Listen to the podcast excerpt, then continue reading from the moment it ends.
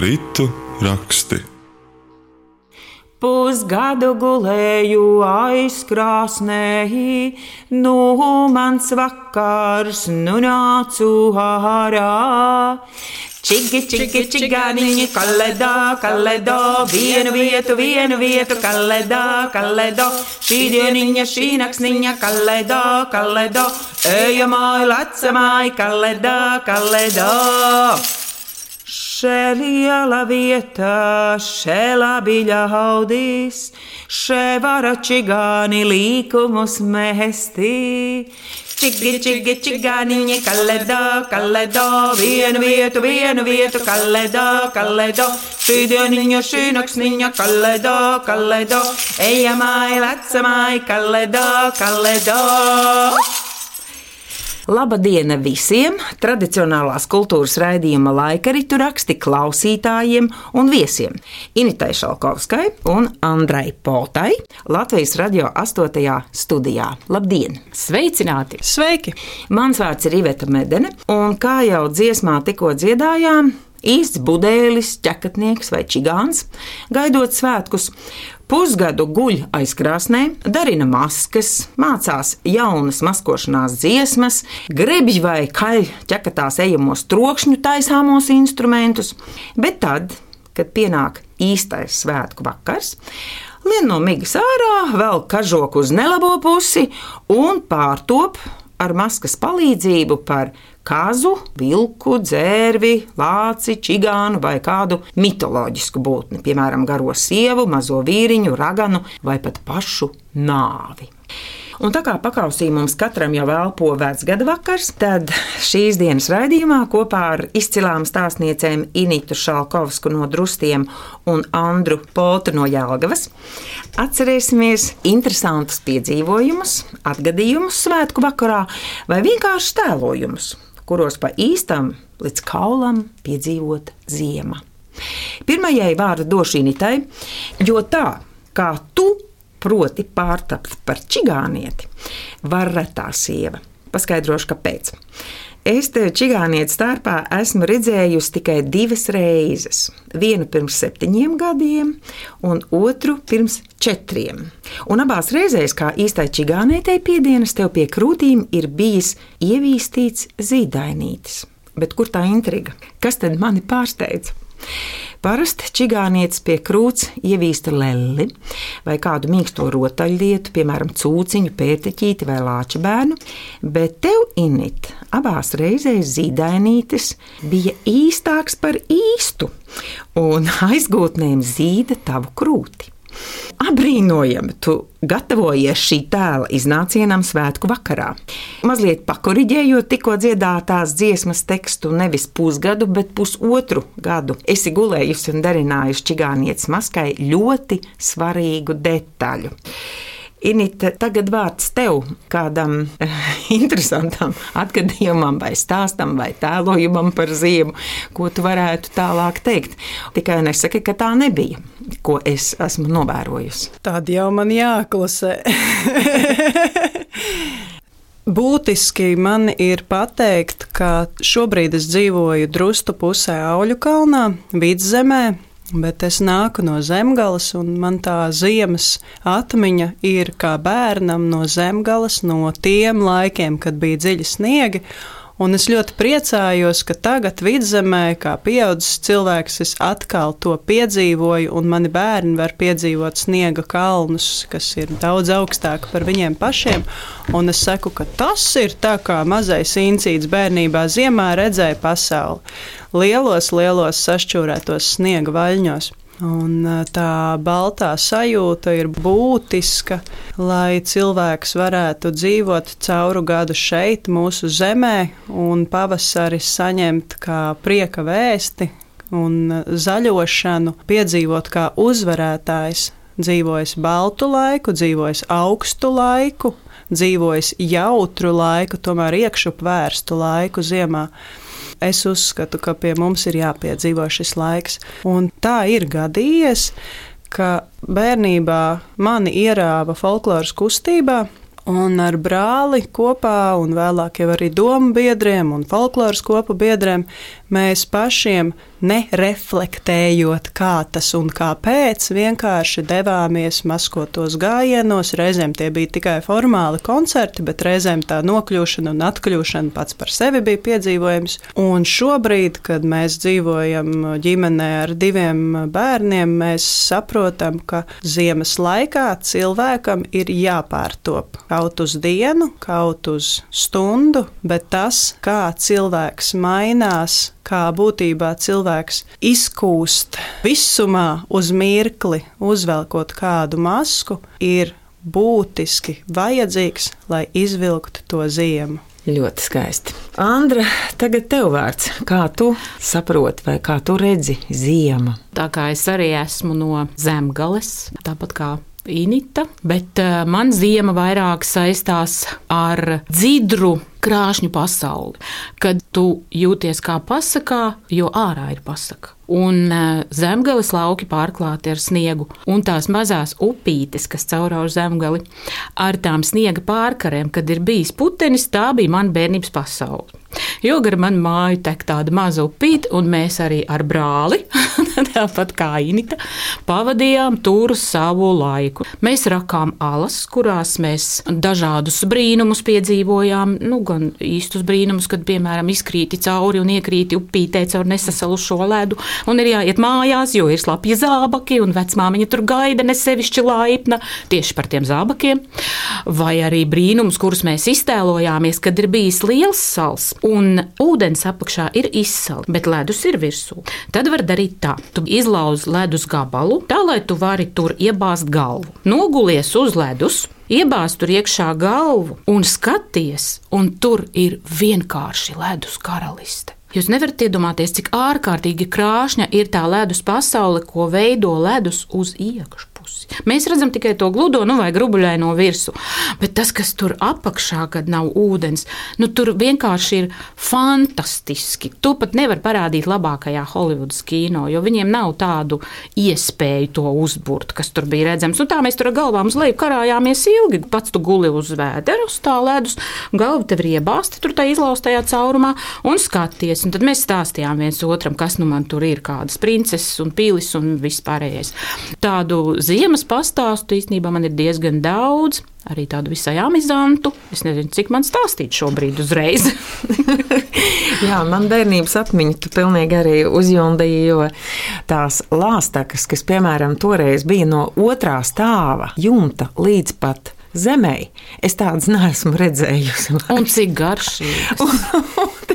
Oh, par to arī fantastiska garša, taču lāsta. Jā, bet man pastāvīgi bērnībā bija dzērvju zābaciņi. Zini, kas tas ir? Jā, es zinu, es Jā, ļoti labi zinu. diezgan sāpīgi, nu, ka tu esi nostaigājis pa augstu ūdeni. Tad es domāju, vai tad tiešām es staigāju pa ūdeni ziemā? Nē, zābakiem bija būt. plati stūmiņi. Ā, Tur nu sajiet tā. sniegs. Sniegs Jā. mazliet kūst, un tur veidojas tāda sniega pīņkuļa, vai ne? Viņi tā berzējās, jo, kad iet tev kājiņa kustās tajā zābakā, un tur arī veidojās, tur, kur zābakas stūmam ir augšējā daļa. Tāpēc, protams, tagad modernie zābaciņi ir ar augšņu ciet, mm. Kombinzons pāri, un sniedziņš iekšā neiet. Mums jau tāda Jā. iespēja nebija. Un vēl kokvilnas zeķu biksītes, vai Pareizi. ne? Arī gan ar upšu materiāls. Oi, nu. Un tad tur, nu, iedomājieties, tāds gredzens visu laiku ap to kāju, tās drikšs, drikšs, drikšs, un tu aizēji mājās. Un, oh, ai, ai, ai, ai, ai, ai. Bet, Ini, turpini, kādi tev atgadījumi ir ziemas laikā bijuši? Vēl tāds būtisks tāds redzējums man no bērnības, no tiem pašiem lielo sniegu laikiem bija tāds, mums kaimiņos vilcē, kad dzīvojām, dzīvoja griķonkuls un griķetante. Tas ir uzvārds. Un eh, viņiem bija suns vārdā Lācis. Krancīts nāca ar mūsu pifi kauties, un tad mamma vai griķa tante lēja pienu virsū, lai beidz kauties, bet eh, lācis, lācis. Un vēl griķa onkulim bija zirgs vārdā ēzis. Un tā bija tā, ka griķis brauc ratos, ēzis pa priekšu, lācis pakaļ. Un uh, reiz ziemā bija izšķūrēts ceļš, bija daudz sniega, bija Ziemassvētku vakars. Diena vēl. Mūsu māja bija tādā lejiņā, tādā kā bļodas dibenā, un ceļš gāja pa augšu, un kaimiņu māja pavisam blakus. Un es dzirdu dieva skaņas. Caur lielo sniega klusumu es dzirdu kaut ko tādu, ko es nemūžam neesmu dzirdējusi. Un tur ezis pa priekšu, grīķis satuntulējies ratos ar bieziem cimdiem, bet ezim zvārguļa josta. Mm. Nokārts zvaniņiem, jo griķonkulis brauc uz bodi ar sarkanām lentītēm plīvojot. Tas ir 96. gads, tas nav 19. gadsimts. Mhm. Tā cilvēks aizbrauc uz bodi, tā cilvēks atbrauc no bodes. To es gaidīju. Ilgi bija jāgaida, kamēr sagaidīju. Vienreiz dzīvē esmu dzirdējis, bet uz visu mūžu. Un tā ir tā Ziemassvētku sajūta. Paldies cilvēkam, kurš nebaidās, ka viņš varētu izskatīties kā tāds plātīzers, bet viņš uzpoš tā kā vajag un iepriecina gan bērnus, gan, es domāju, arī visu pasauli ar tādu skatu. Tā smarža esot kamanās. Un sieniņš, un zirdziņš, init. Jā, es tos piedzīvoju. Es arī reiz mūžā es pat izbraucu maz būdam ar kamanām, jo mājā, kurā es dzīvoju, bija kolhoza zirgu ferma. Turpat bija kamanas. Un vienu reizi uz glūdu mēs braucām uz veikalu ar kamanām. Bet tas ļoti tādas miglainas atmiņas. Bet tad kādu nevis tik miglainu, bet tādu, ko tu atceries, rīktīgi stāstu. Viens tāds ļoti amizants gadījums. Man ir trīs dēli un tāds ļoti aktīvs vīrs, un viņiem ļoti patīk spēlēt hokeju. Mums pie mājas ir liels dīķis, un, protams, kā sniegs diemžēl ir hokeja ienaidnieks, jo Tā ledus ir, ir jānotīra. Mm -hmm. Mans vīrs iegādājās speciāli nelielu traktoriņu, lai izšķurētu izbraucamo ceļu no mājas un pagalmu. Un, uh, viņš saka, bet varbūt varētu ar to traktoriņu nošķūrēt arī to sniegu no tā dīķa. Un es viņam saku, nu, vai tu esi prātīgs? Es saku, vai tu neesi lasījis Griguļa stāstu, pabs brauc ar traktoru? Un viņš man saka, nē, es neesmu tādu stāstu lasījis. Es eju pie grāmatu plaukta, atrodu grāmatu, atrodu attiecīgo lapus, izsniedzu savam vīram.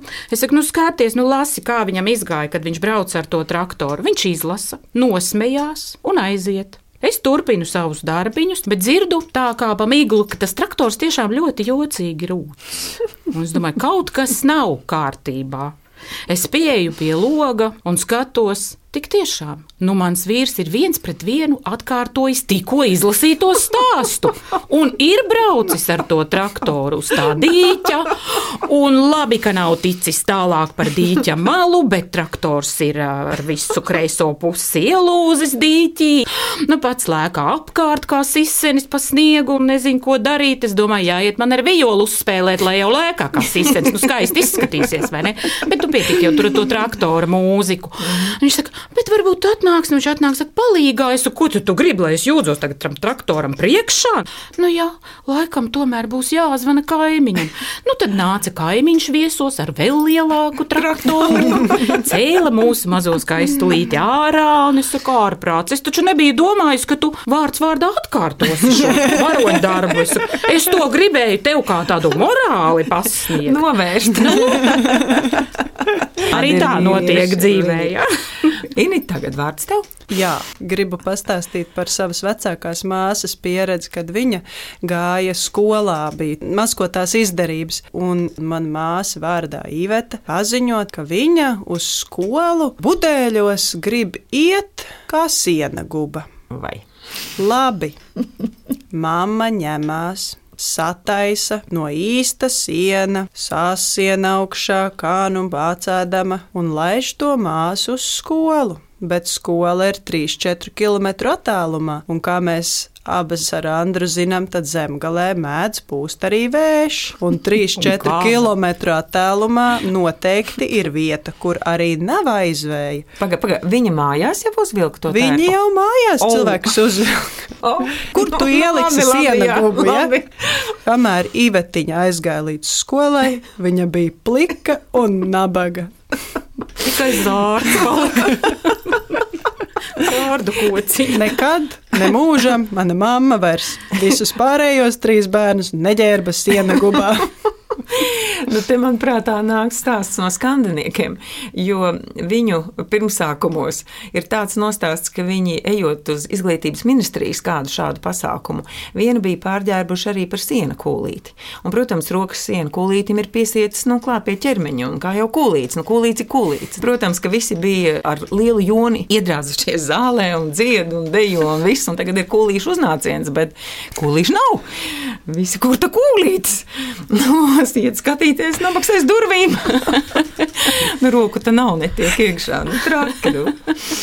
nu, un Andriņ, tev kāds Man ar maskām ir diezgan grūti, jo man ļoti nepatīk neko maukt uz matiem. Laikam tāpēc, ka man kādreiz bija ļoti gari mati, un mamma parasti tos ļoti ilgi ķemmēja. Bet eh, tā kā es strādāju Jālgavas pilsētas bibliotekā, un eh, bibliotēkas ļoti augsta pēc lasītājiem, tad nu, mēs cenšamies arī pieredzināt jau pavisam maziņus lasītājus, un viņiem ir tāda pūcīšu skola. Un tad, kad bērni šo skoliņu absolvē, atlido lielā pūce no Nacionālās bibliotēkas un uh, tos bērnus apsveic. Un, uh, šogad par pūci pārtapu es.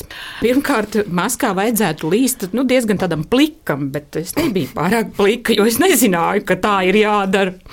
Un uz galvas es uzliku sava dēla celtnieka ķiveri. Oh, jo man kaut kas pačukstēja, vajag uzlikt, jo tad būs uz kā balstīties. Mm -hmm. Bet es neaizsprādzēju to ķiveri un tā ķiveri varēja brīvi šļūkāt.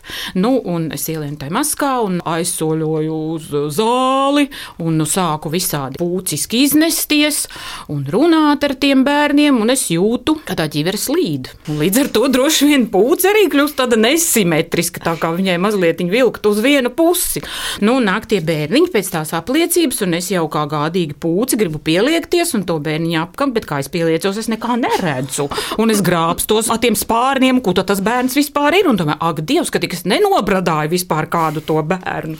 Tā kā man varēja iziet kā tā pucītāja tajās zvirbuļa kāzās, jā. Bet, nu, paldies Dievam, es kaut kā tomēr noturējos.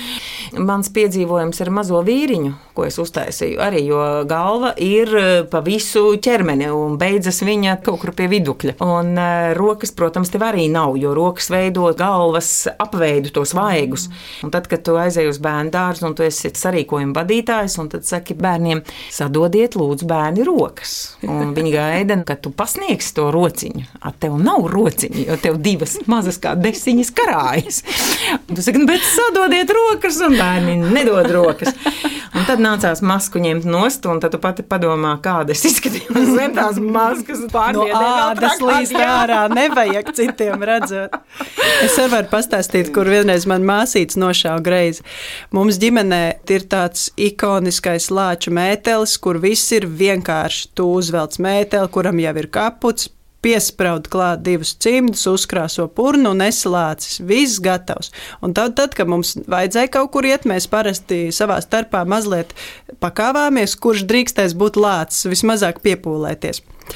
Bet bija tādi laiki. Man bija 11 gadi, brālim bija 11 gadi, māsīcām bija 11 gadi, mūsu folkloras kopas draugiem bija 11 gadi, un mēs tikām uzaicināti uz jaungada balli kā ķekatnieki ļoti smalkā vienā Rīgas sabiedriskā namā. Un tagad satiekam tos aicinātājus un noskaidrojas kaut kāds pārpratums, Mums ne graša nedos par šo pasākumu, bet mums ir 11 gadu. Mums nav nekādas naudas biļetei atpakaļ uz mājām. Jo bija tāda doma, kā tu vari aicināt dziedātājus, maskotus, ļaudis par baltu velti, it kā viņiem to tik vien gribētos, kā pa švītīgu kungu vidu vandīties. Mēs apspriedāmies, vilciens jau tāpat ir aizbraucis uz mājām, mums ir jāpaliek. Ko mēs darām? Mēs mākam dziedāt divas, trīs dziesmas. Mums ir 11 gadi, tas jau ir daudz. Jā. Tagad ejam uz pirmo zāli, ieveļamies, un viena no tām dziesmām ir dancolāci, dancolāci. Un tagad tā māsīca, kur ir lācis, viņa uzdejo zālē numur viens, uzdejo zālē numur divi, numur trīs. Tā mēs saprotam, paga, paga. Mēs tak varētu prasīt no tiem ballētājiem kādus grasīšus, rekur lācis jums dejo. Jā, Nu, mums ir skaidrs, kā mēs tiksim atpakaļ uz mājām. Visu nakti mēs staigājām pa tām pašām zālēm un dancinājām lāci. Kā tas nabaga lācis bija norāvies, pārsvīdis, pārpūlēs, tā ka vienīgais mūsu maizes pelnītājs. Mēs jau skaitījām, o, visiem biļetēm iznāk. Tagad vēl kaut kāda tur, nezinu, vai bulciņa vai kas iznāks. Nu, nu uzdejo vēl, nu, vēl vienā zālē lācīt. Un beigās nosprieda, ka lācis ir visgrūtākā maska. Tur ir visvairāk jāpiepūlas. Slapja mugura. Tā jau arī ir. Bet vēl interesanti piedzīvojumi, mums jau daudz vairs nevajag, jo raidījums jau tuvojas beigām, ir ar to, ka kā jums ir veicies, ja kaut kas ir jāliek mutē vai kaut kas ar ēšanu, jo mums bija baigs piedzīvojums. Uzaicināja zobārsti savus bērnus izklēdēt. Un mēs, protams, tur vadām rotaļu, bet viņi saka, vai nevar kaut ko ar zobiem, nu, kaut kādu tādu, kaut ko. Un mēs, protams, kāpēc tā nevaram? Saliekam kāļus, mutē, viena kartupeļus, nu, ko tur, lai zobi tādi, tā tur rotaļu izgudrojumi. Bet, nu, protams, man jau atkal, kas man dīda, es paņemu bieti. Nu, bērni visi pazuda, kad divi deviņi, kad es atvēru muti. Tā kā bišķiņā padomā. Jā, pirms nu, tu kaut ko liec mutē. Vīrs stāstīja atgadījumu iz savas bērnības. Viņš ir no Blomas un dzīvoja vidzemē, agrāk dzīvoja nu, tā kā kalniņa galiņā. Un uh, ir svētku laiks, tā kā šobrīd paps saka, ka vajadzētu aiziet tomēr viesos pie kaimiņiem. Bet, nu, tukšām rokām jau neiesi, vai ne? Nu, nē, nē. Jā, nu, protams, nu, kaut ko vajag uh, paņemt. Bet, nu, mamma līdzi nenāks. Mazais puika, tas ir mans vīrs toreiz, to gan viņš ņems līdzi. Nu, labi, ieiet virtuvē un paskatās. Oh, putraim desa pannā. Nu, ko tad nu ņems to pašu? Sienu pannu striķītī. Ņem puiku pie rokas un iet abi no galniņa līņā. Nu, pannu velk līdzi ar visu desu. Nu, tad, kad viesošanās ir beigusies, nu, panna tādā pašā ceļā ir arī jādabū mājās, protams, jo nedod Dievs aizies mājā pannas nav. Jā, ne? jā, jā, jo vispār jau katrs vīrietis zina, ka tukša panna audzina, bet tikai pilna baro, vai ne? Nu, tā ar ēdamām lietām gadās arī tā. Bet varbūt beigās kādu amizantu stāstu. Jo tie pārējie jau nemaz nebija amizanti, kā tev jāvelk traktorī cārā no dīķmalas.